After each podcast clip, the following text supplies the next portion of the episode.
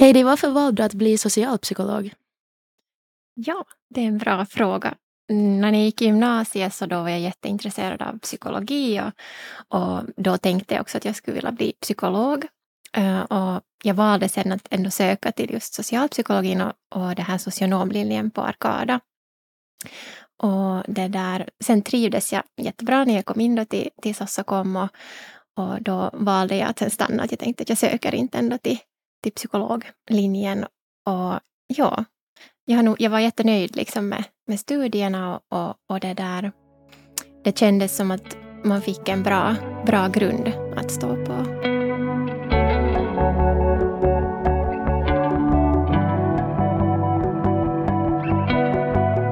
Välkomna till serien Alumnmöten där vi idag möter socialpsykologen och krisarbetaren Heidi Östling som ju också är alumn härifrån Sossokom. Välkommen Heidi. Ja, tack ska du ha. Själv heter jag Alva Stenman och eh, är faktiskt också studerande i socialpsykologi här på Sossokom. Vill du berätta lite om vad du jobbar med idag? Ja, jag det där jobbar som krisarbetare vid Helsingfors mission och jag har jobbat ungefär uh, fyra år nu. Där ja. Det är en organisation som jobbar för att uh, ingen ska bli uh, lämnad ensam.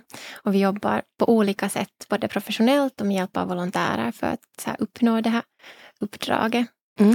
Och det där, min, till min arbetsbild hör samtalsstöd med unga. Ja. Och det där, jag jobbar liksom med åldersgruppen 12 till 29-åringar, så det, det är den här mm. målgruppen. Och ja, det är ett jättegivande givande jobb och jag har trivit, trivts bra där. Vad innebär samtalsstöd egentligen? Ja, samtalsstöd egentligen, vi jobbar med, med lågtröskel samtalsstöd, så det är så här i, i förebyggande syfte. Och, och tanken är liksom att, att varför vi finns och varför samtalsstöd finns så är därför att man ska kunna liksom få hjälp eh, före problemen blir liksom för stora eller så här. Mm. Och, och det, där, det är inte fråga om vård och det är inte fråga om terapi utan det är liksom som ett extra stöd i mm. vardagen. Eh, om det är så att man har en tyngre period i livet. Mm. Och då kan det vara hjälpsamt att få tala, tala med någon utomstående lite för att liksom få ett nytt perspektiv kanske på en situation men också fundera liksom på välmående överlag och, och vad det är som kan hjälpa och stödja i vardagen på samma gång som man får sätta ord på det som kan kännas tungt och, mm. och på det sättet kanske få, få reflektera över det också. Var det någonting sånt som du tänkte att du skulle jobba med under tiden du studerade? Ja, det var faktiskt så att, att jag tänkte att det, det skulle vara jättegivande att få jobba på just Helsingfors mission. Det, jag kommer ihåg att när vi då det där studerade så gjorde vi ett studiebesök också till, till det där Helsingfors mission. Och, mm. och då tänkte jag just det här med att man får jobba med samtalsstöd uh, fast man inte liksom så här utbildad psykolog. Mm. Uh, så, så räcker det liksom med att vara just ha någon examen inom social, sociala området. Mm. Och det där, ja, det var en jättegivande givande sak att få börja sen där på Helsingfors mission. Jag och Heidi är ju inte ensamma här i studion idag utan vi har även med oss Akseli Laitinen som är här som studerande i socialpsykologi på Sossokom och Anna Henning som alltså är universitetslektor i socialpsykologi på Sossokom. Välkomna! Tack. Tack, tack. Akseli, får jag fråga dig också, varför valde du att studera socialpsykologi? Ja, eh, jag eh, fann mig själv eh, jag arbetade som elektriker först efter skolan och sen så märkte jag att jag lyssnade väldigt mycket på eh, intervjuer och föreläsningar på jobbet eh, som handlade just om mänskligt beteende och eh, mycket sociologi. Och, eh, så, så hade en människa, en kompis som, också, som själv pluggade på Valtsikan eh, sociala vetenskaper som sa att hej, att, varför pluggar du inte det där? Det kan man ju faktiskt läsa. Så gjorde jag det. Det lät intressant. Okej, okay. men eh, har du, har du någon erfarenhet av uh, liksom arbete eller praktik just inom området socialpsykologi? Ja, eh, dels hade vi eh, under skolgången så eh, här under universitetsstudierna har jag dels arbetat för en ideell organisation som, eh, eller frivillig organisation som heter Uskonto en ohren tuki, stödföreningen för religionens offer, Mm. eh, med kamratstöd. Eh, lätt sådana här gruppdiskussioner och då samtalsstöd i, i telefonformen. Okej, Eh, ja. så du har också erfarenhet av lite liknande grejer som Heidi egentligen? Ja, det lät, lät liknande. Eh, Just sådana, att man finns där för människor som behöver, Mm. behöver tala. För oss var det kanske mer inriktat på eh, just religiösa teman, men jag kan Mm. tänka mig att väldigt eh, liknande. Mm. Och visst är det så att du har också gjort praktiken, är det till och med här på Sossokom? Eller vad gjorde du praktik? Ja, precis. Eh, jag hade min praktik eh, som hör till utbildningen eh, här på Sossokom som forskningsassistent mellan mitt andra och tredje år. Mm. Fick då arbeta med, va- vara en hjälpande hand för forskare här Mm. på, på skolan. Kändes det som någonting för dig? Ja, eh, det var det var kanske det som jag förstod då när jag gjorde praktiken, att, Mm. eh, eller jag var nyfiken på forskararbetet, eh, hur det ser ut, men jag tror att just den formen, och det tänker jag att det kanske är just det som praktiken kanske också är till för, att man Mm. kan känna av att är det här ett sätt som jag vill arbeta på? Jag Mm. jag kanske kände att just eh, forskningsarbetet eh, då kanske inte var För dig? för mig. Ja. Men för det är ju så med socialpsykologi att det är lite, kanske ibland mera otydligt att eh, liksom vad, vad man kan jobba som än till exempel andra vissa traditionella äh, ämnesområden som till exempel journalistik där var du kanske har en tydligare bild äh, när du studerar det att, att vad det innebär och vilka karriärmöjligheter det finns. Ähm, men Anna, jag tänkte att äh, du får berätta lite mer om det här och kanske vad, vad tycker du själv när du lyssnar på Axel och Heidi? Reflekterar det här de liksom, arbetsmöjligheter som finns för någon som har studerat socialpsykologi? Ja, eh, no det är för det första som du säger, det vill säga att, att den här utbildningen i socialpsykologi så är ju en bredare utbildning, en mer allmän utbildning. Det är ju inte en yrkesutbildning på samma sätt som kanske journalistik, som du nu nämnde som exempel, eller socialt arbete som vi då har mer som en sån här professionsutbildning här i huset. Så det är klart att, att man ser inte lika klart framför sig kanske att var man ska placera sig. Och, och det som ju många ofta undrar med socialpsykologin är ju det här att ger det psykologbehörighet till exempel som då också skulle ge en bättre bild av var man placerar sig men att man blir ju inte psykolog om man studerar socialpsykologi. Eh, men det där vi har, jag skulle ändå säga att eh, det trevliga svaret på frågan är att det finns väldigt goda möjligheter att placera sig i arbetslivet, alltså väldigt breda möjligheter. Och alla uppföljningar som vi gör av dels hur socialpsykologer placerar sig, men också kanske folk från Sossokom, det vill säga med våra olika studieinriktningar, så visar att man placerar sig liksom bra, det vill säga att, att man placerar sig. Men sen om vi kommer till den där frågan att var och med vad, och du frågar att är det här på något sätt typiskt som vi nu råkar höra här, att man har en sån här rådgivande kanske uppgift. Så det vet jag inte om jag kan säga att det är typiskt, alltså det reflekterar väl var jag tänker mig att man skulle kunna placera Mm. sig. Men, men när vi då har förstås försökt göra uppföljningar och titta på att vad är sådana områden där man skulle kunna tänkas placera sig så till exempel gjorde jag själv alltså en liten uppföljning av år 2015 av sådana som har studerat just hos oss. Mm. Och då var det vanligaste svaret att inom HR, rekrytering, Mm. personalfrågor. Till exempel att där var 20 procent just då. Det här är inte kanske nödvändigtvis där socialpsykologer alltid placerar sig, men så var det Nej. i den, den uppföljningen. Sen då social och hälsovård, ett annat område, till och med som socialarbetare, men, men vi får inte, alltså man får inte en socialarbetarbehörighet heller som socialpsykolog. Men där är så stor brist just nu att, att man kan på olika sätt jobba inom det sociala området i alla fall. Uh, ungdomsarbete, vilket kanske då delvis är det som ni har varit inne på, hälsovård, uh, det nämnde jag, invandrararbete, Mm. sånt som flera har, så placerar man sig då inom utbildning och forskning, till exempel som jag själv har gjort och som vi Mm. då hörde att, att Axeli drömmer om att börja utbilda. Men får jag fråga, var det någonting som du själv tänkte att du skulle vilja göra när du studerar? För du har väl studerat socialpsykologi antar jag? Jag har studerat socialpsykologi. Äh, nå, på den tiden så, så, så var utbildningen lite annorlunda uppbyggd Mm. så att jag fick faktiskt också en socialarbetarbehörighet. Men äh, jag hade nog inga sådana visioner när jag började studera just socialpsykologi. Däremot hade jag ursprungligen före det någon gång tänkt att det är lärare som Mhm. jag ska bli. Så att på Ja. konstiga vägar så kom jag liksom ändå in med, med hjälp av socialpsykologin till att bli lärare. Men nej, det var kanske inte någonting som jag tänkte och trodde när jag började på Sossokom i tiden. Okej. Heidi, vet du Mm. nå var dina liksom, studiekamrater, vad de jobbar med idag?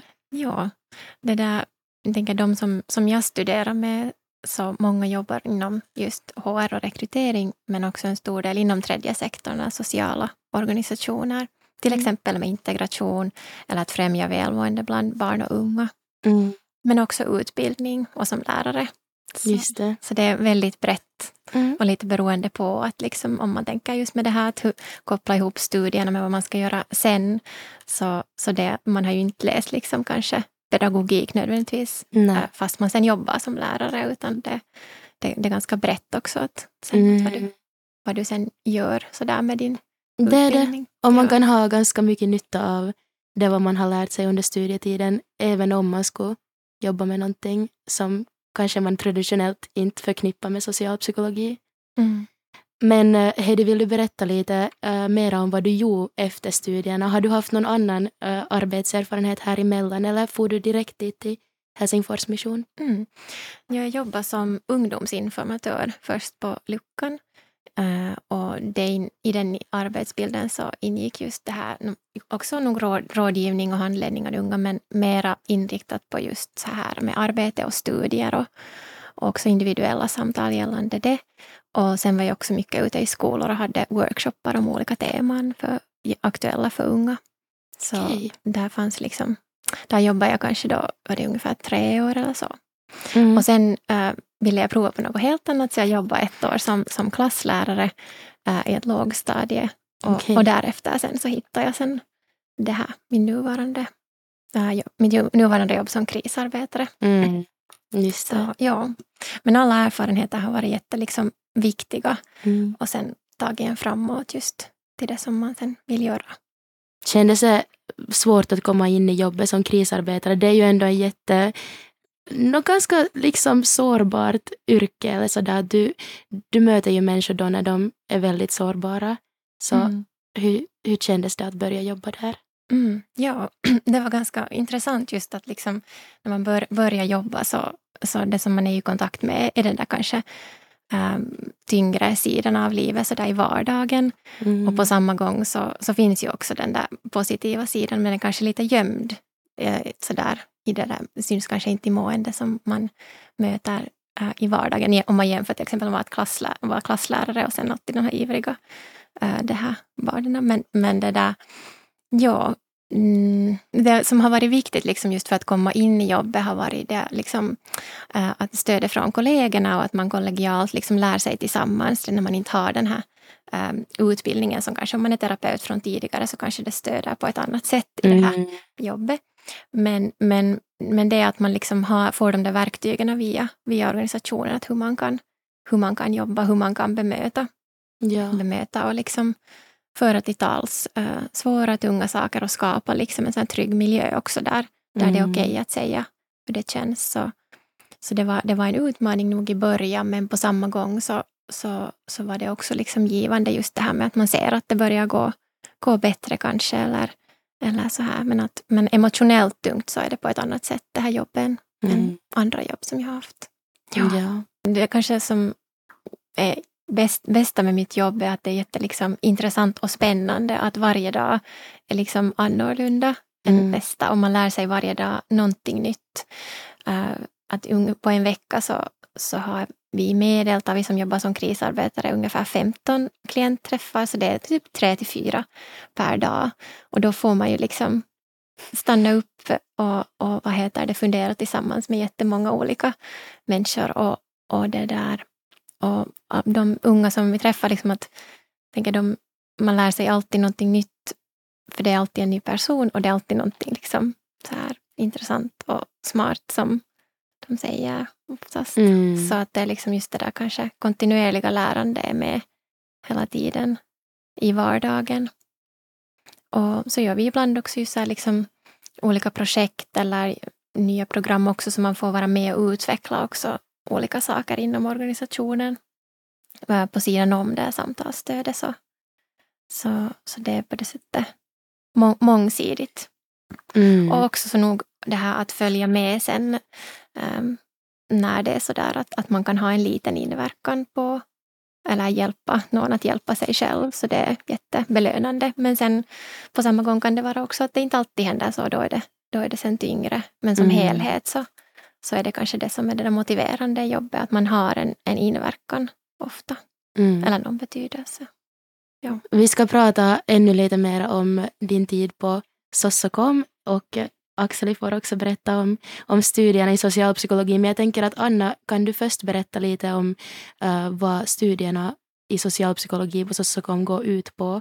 Att hur, hur de ser ut och hur de är uppbyggda? För det första så är det ju viktigt kanske att nämna att det här nu är en del av ett brett eh, kandidatprogram i samhällsvetenskaper. Så det betyder ju att vi har vissa gemensamma delar inom programmet som alla gör så att man börjar till exempel med att då lära sig om, om eh, juridiska och sociala mm, processer och strukturer i samhället för att bli då samhällsvetare om aktuella fenomen och, och, och sen en, en viss sån här vad ska vi säga, forskningsmetodologisk grund behöver alla.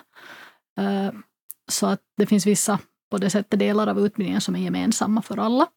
Men sen om vi då går till socialpsykologin så så dels försöker vi ju förstås då introducera till själva vetenskapen.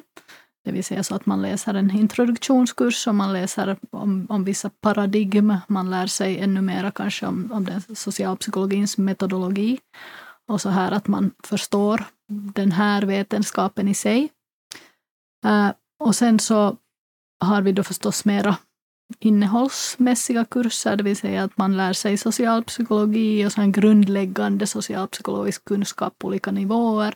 Dels alltså gruppdynamik, som man väl tänker att är ganska grundläggande för mm. socialpsykologi.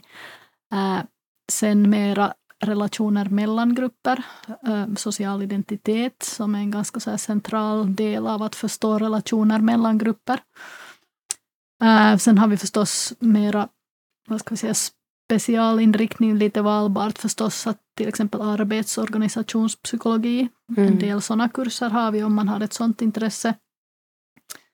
Sen har vi äh, mera kanske kring barnpsykologi någonting lite nu då med inriktning på, på utveckling i samhället förstås, det här digitala samhället och hur det påverkar våra sociala relationer. Ja. Och, och det som vi förstås lär ut så är ju det här att man ska man ska kunna då läsa, förstå och producera vetenskap själv.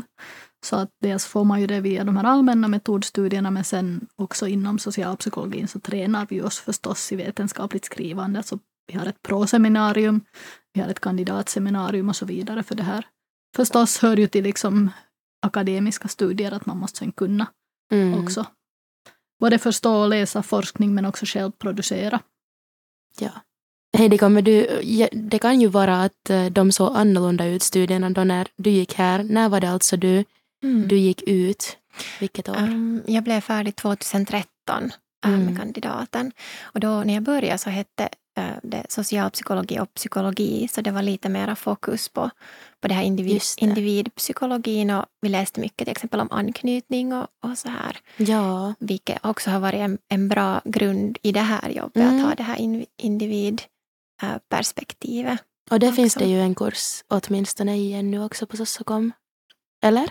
De kurserna har tyvärr nu fallit bort för Nej. att de har blivit pensionerade. Våra experter. Men vi har alltså som sagt den där barnpsykologin och, och, och funderar nog där liksom att hur vi får in utvecklingspsykologiska aspekter och, och kanske delvis då också anknytnings... Okej. Just det. Mm. Axel, har du någon kurs som står ut eller som du kommer ihåg från dina eh, studier nu på Sossokom som du har tyckt lite extra mycket om eller någonting? Har svårt att välja en, men eh, kanske den som först, jag först kom att tänka på var eh, hette den socialpsykologins paradigm Mm. som jag tyckte var intressant upplagd eh, så att man studerade. Eh, den kom gans, ganska sent här. Jag tror den kom tredje året eller slutet på andra, men att man fick en eh, varje vecka så diskuterade vi ett par olika teorier eller perspektiv som är relevanta för socialpsykologin och hade då, eh, och de var ofta väldigt tunga och komplicerade, men att vi hade sen intressanta samtal där vi sen skulle komma med praktiska exempel och tillsammans diskutera. Vi hade Mm. kursen då med Rasmus Mannerström och Mm. det var ehm, det var tungt, men det var väldigt intressant. Ja, man går väl igenom liksom så här klassiska eh, teorier och eh, liksom ja, Ja. Kända, kända personer inom socialpsykologin. Visst är det lite så? Mm. Exakt. Man tar exempel på teorier som eh, man diskuterar till exempel frihet eh, utifrån Froms teorier. Mm. Eh, Det är intressanta teorier att bolla med. Jag kommer också ihåg den kursen, vi hade den också. Men säkert inte med samma person. Men, Ja, ja. men ja, det, det var intressant. Ja, Mm. Eh, så är Liknande upplägg. ja just Sådär. det här socialpsykologins paradigmer. Och just de här, det tänker jag, som har varit äh, jättegivande med, med socialpsykologin i, i, i arbetslivet eller för karriären har varit just det här liksom att, att man lär sig analysera och reflektera över de här samhällsstrukturerna Mm. som, som finns och hur det påverkar individen och, och också sen välmående eh, hos unga till exempel. Att man, har, man tittar alltid um, nog så här um, omedvetet genom sina socialpsykologiska eh, glasögon så där i vardagen. Mm. Och, och jag tänker när man studerar här så det är ofta ganska så intensivt och man, man är ju med sin egen grupp och sen kanske när man är i en annan miljö eller så, så märker man att okej, att, att jag, jag tänker så här, att man har Mm. utvecklat ett så här kritiskt tänkande så, så det är en, en, en jätteviktig sak att tänka på vad man får med, får med sig så där Mm. omedvetet när man, när man tar del av de här kurserna. Det är väl kanske en av de eh, viktigaste sakerna tänker jag, som man kan lära sig av studierna, just det här kritiska tänkande och, och ja, som du sa, man får ett så här visst perspektiv genom vilket man ser saker. Anna, har du någon kommentar till det? Ja, jag tycker det är jätteviktigt det här som, som Heidi lyfter, det vill säga det som man kallar för generiska färdigheter. Mm. Och det som ju är kanske det typiska för akademiska studier överhuvudtaget. Eh, att man får med sig då det här kritiska tänkandet, Att man får med sig ett vetenskapligt sätt att fungera, ett etiskt sätt att fungera. Att man blir bra förhoppningsvis på social interaktion och grupparbete. Att man liksom tränar en massa färdigheter samtidigt som man lär sig om ämnen.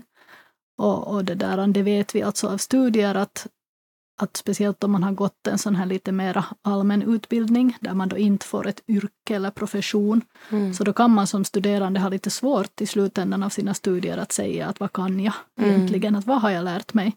Men sen när man kommer till arbetslivet så vet vi alltså att framförallt så lyfter man då fram de här generiska färdigheterna, alltså de Mm. allmänna färdigheterna, att de är jätteviktiga i arbetslivet och, och och det känns ju lite som att vi har lyckats liksom när man sen ändå känner att man har sina socialpsykologiska glasögon och man har vissa färdigheter med sig och man kan ju kanske vara lite orolig när man är på väg ut att var ska jag placera mig, vad ska det Mm. bli av mig, vad kan jag, vad kan jag erbjuda? Men, men ja, Jag känner Mm. igen mig jättemycket i det där och vi diskuterade lite innan vi satte oss ner här och började banda in att, att man nog har haft många gånger under sina studier en sån där uh, no, men sånt tillfälle där man har funderat just att, att är jag på rätt linje eller gör jag rätt saker och liksom vad blir jag och vad kan jag och allt sånt där. Jag tror att det är många säkert som känner så i sina studier och Heidi du berättade att du kände också så men att sen efteråt blev det, fick du mycket klarhet i det. Mm. Jo, jag tänkte när jag, när jag kom hit, um, nu så här efter ti, ti, ungefär ja, nio år sedan jag var här senast, att, att med den här just tanken om att, att, okay, att man borde kanske hitta någon rak linje och veta vad man ska göra och så här. Uh, och att det kan orsaka stress kanske om man inte direkt har det. Men, men när jag kom hit så tänkte jag just det att oj, vad jag stressade liksom i onödan på ett sätt för att det blev helt bra. Liksom. Men att det är ju naturligt att känna den där oron för, för framtiden just då. Och kanske den där osäkerheten. Men det är också kanske kan bli ofta en styrka att, mm. att leva på det sättet med att det inte det är inte den där raka linjen alltid. Hur det går. Yep. Mm. Ja. Men jag frågade redan lite här vad ni kommer ihåg från äh, era studier och vad, vad ni tyckte om med studierna. Men vi skulle också kunna gå in på att fanns det någonting som ni saknar i studierna eller någonting, någonting som ni önskar att ni skulle ha lärt er mer om? Kanske Axel får börja med att svara.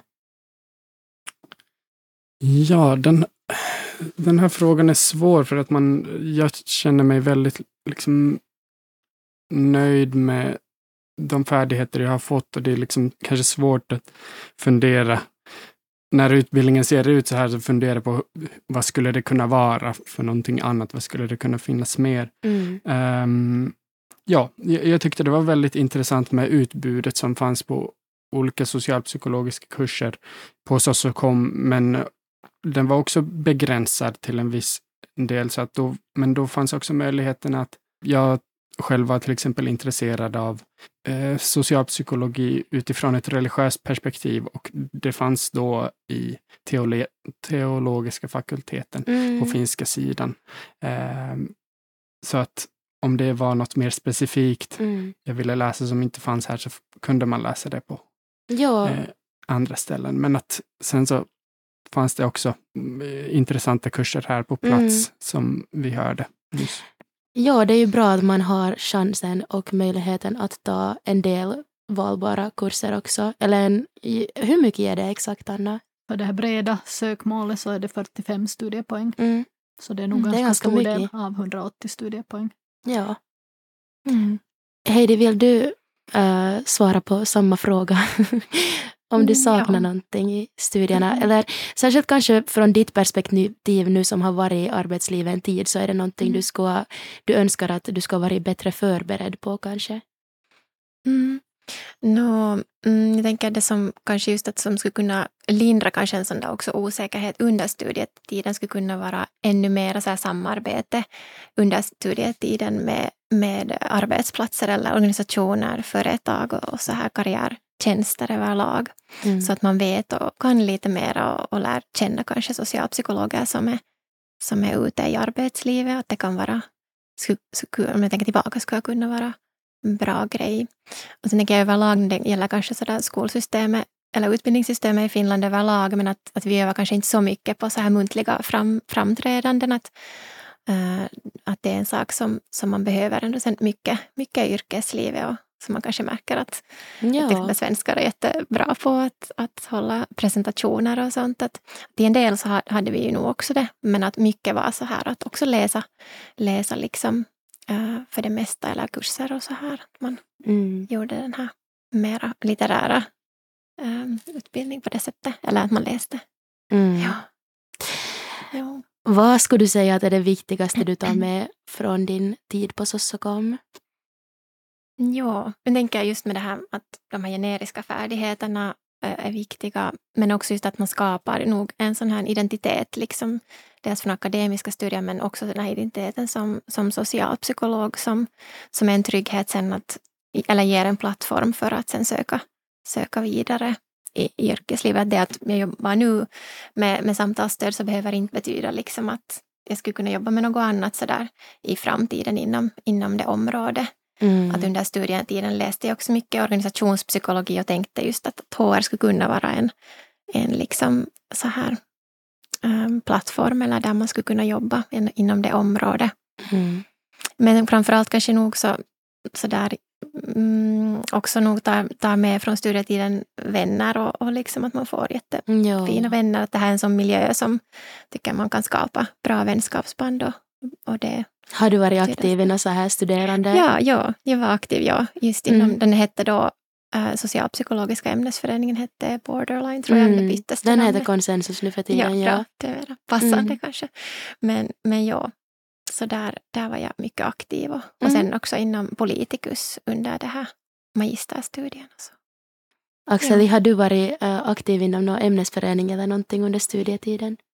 Jag har själv inte haft någon officiell roll i ämnesföreningarna. Jag har varit Ibland har kompisarna, jag, jag, många kompisar har varit väldigt aktiva. Då har jag varit med och kollat på spex och varit på några fester och så. Men, mm. men jag håller med om att det, ja, vännerna eh, under studietiden har haft en väldigt central roll och där är ju ämnesföreningarna också viktiga i sådana här ställen som man kan samlas på tillsammans. Absolut. Mm. Ja. Jag har en fråga till er alla så här för att avsluta. Um, och det är att vad skulle ni ge för råd åt en socialpsykologistuderande som nu kanske är på väg ut i arbetslivet? Någon som har studerat färdigt och ska nu börja bege sig ut i arbetslivet. Anna, vill du börja med att svara på den här frågan? Ja, no, jag skulle kanske säga nu utifrån lite vad jag redan sa, det vill säga att, att våga lita på att du har breda möjligheter och våga lita på att du kan saker. Att också om inte du helt nu får syn på det direkt före du kommer in i arbetslivet. Jag tänker att det är först när du börjar jobba som du märker liksom vad du faktiskt kan. Och, och förstås märker du säkert också vad du inte kan. Men att tro inte att du behöver kunna allt när du går ut i arbetslivet, utan du, har ju, du lär ju dig också via jobbet och mm. i arbetet beroende på var du placerar dig. Och du har alla möjligheter senare till kontinuerligt lärande som det kallas idag. Så att jag skulle bara säga det där att våga kasta dig ut och våga lita på att vingarna bär, att det är liksom enda sättet. Heidi, har mm. du något råd? Mm. Um, jag tänker just på det där med att, att stanna kanske upp i nuet. Att, um, ja, som jag sa tidigare, så att det kan vara naturligt att stressa liksom för, för framtiden, att känna sig oro, uh, orolig för framtiden, men kanske ändå just det där att, att vad är det som är viktigt nu och vad är det som känns så där givande i stunden att liksom få fokusera på i studien och alltid kanske inte allt är intressant, men vad är det kanske som, som är sån där, väcker den där inre motivationen och, och gör det intressant. Mm. Och kanske just varför, varför har man valt det från början? Och, och just man, man behöver inte veta direkt, utan det ger breda möjligheter vad man sen um, gör i framtiden. Mm. Mm. Men, men ja, just det här med att kanske få fokusera uh, på studierna och, och, och, kanske stanna upp att, att om det är sådär, ja, att om det är någonting i livet som, som känns tungt eller så överlag så, så ibland kan det ju vara något annat än studierna också som, som mm. kan påverka. Att man liksom, ja, tar hand om sig själv sådär he, i helhet också. Mm. Ja, det är ett viktigt råd. Axel, du är ju själv nu i den situationen att du, har, du håller på att bli färdig med din kandi, så det kanske jag kan eh, formulera lite om den här frågan till dig. Men om du tänker dig någon som kanske just har börjat studera på Sossokom, så skulle du ha något råd att ge åt en sån person? Ja, eh, jag kanske skulle ge som råd att försöka bredda den här bilden av eh, vad som förväntas, eller kanske bredda eh, sina mål och se vad som är möjliga mål. För jag tänker på den här pressen som kanske eh, ställs på unga och också vuxna nu för tiden, att man ska liksom uppfylla sig själv, man ska göra någonting som känns eh, meningsfullt, som känns roligt och som känns eh, ja, man ska uppnå sin fulla potential genom studierna och genom arbetet, vilket allt är såklart väldigt bra mål, men att jag tänker att det också ställer eh, väldigt mycket press också på individen, att man sen ska vara glad och lycklig mm. hela tiden och eh, att arbetet ska, karriären ska kännas menings, meningsfull. Och då tänker jag då att mm, jag vill kanske också ge tillåtelse till eh, människor att också må eller så här, att tycka att skolan är okej okay, eller att arbetet är okej. Okay. Mm. Att det behöver inte vara, det betyder inte att det är dåligt ifall det inte känns meningsfullt. Att man kan liksom förverkliga sig på massa andra områden i livet. Eh, familj, vänner, hobbyer och att arbetet behöver inte vara det som man satsar allting på. Så att man kan ha ett okej okay arbete där man får pengar och betala hyra. eh, också studierna. Man kan bara tycka om att plugga och det är fine. Man behöver inte veta något så mycket mer. Heidi nickar. Mm. Ja, det låter som ett jättebra bra råd. Tack så jättemycket till er, Axeli, Heidi och Anna för att ni var med och deltog i podden idag. Tack.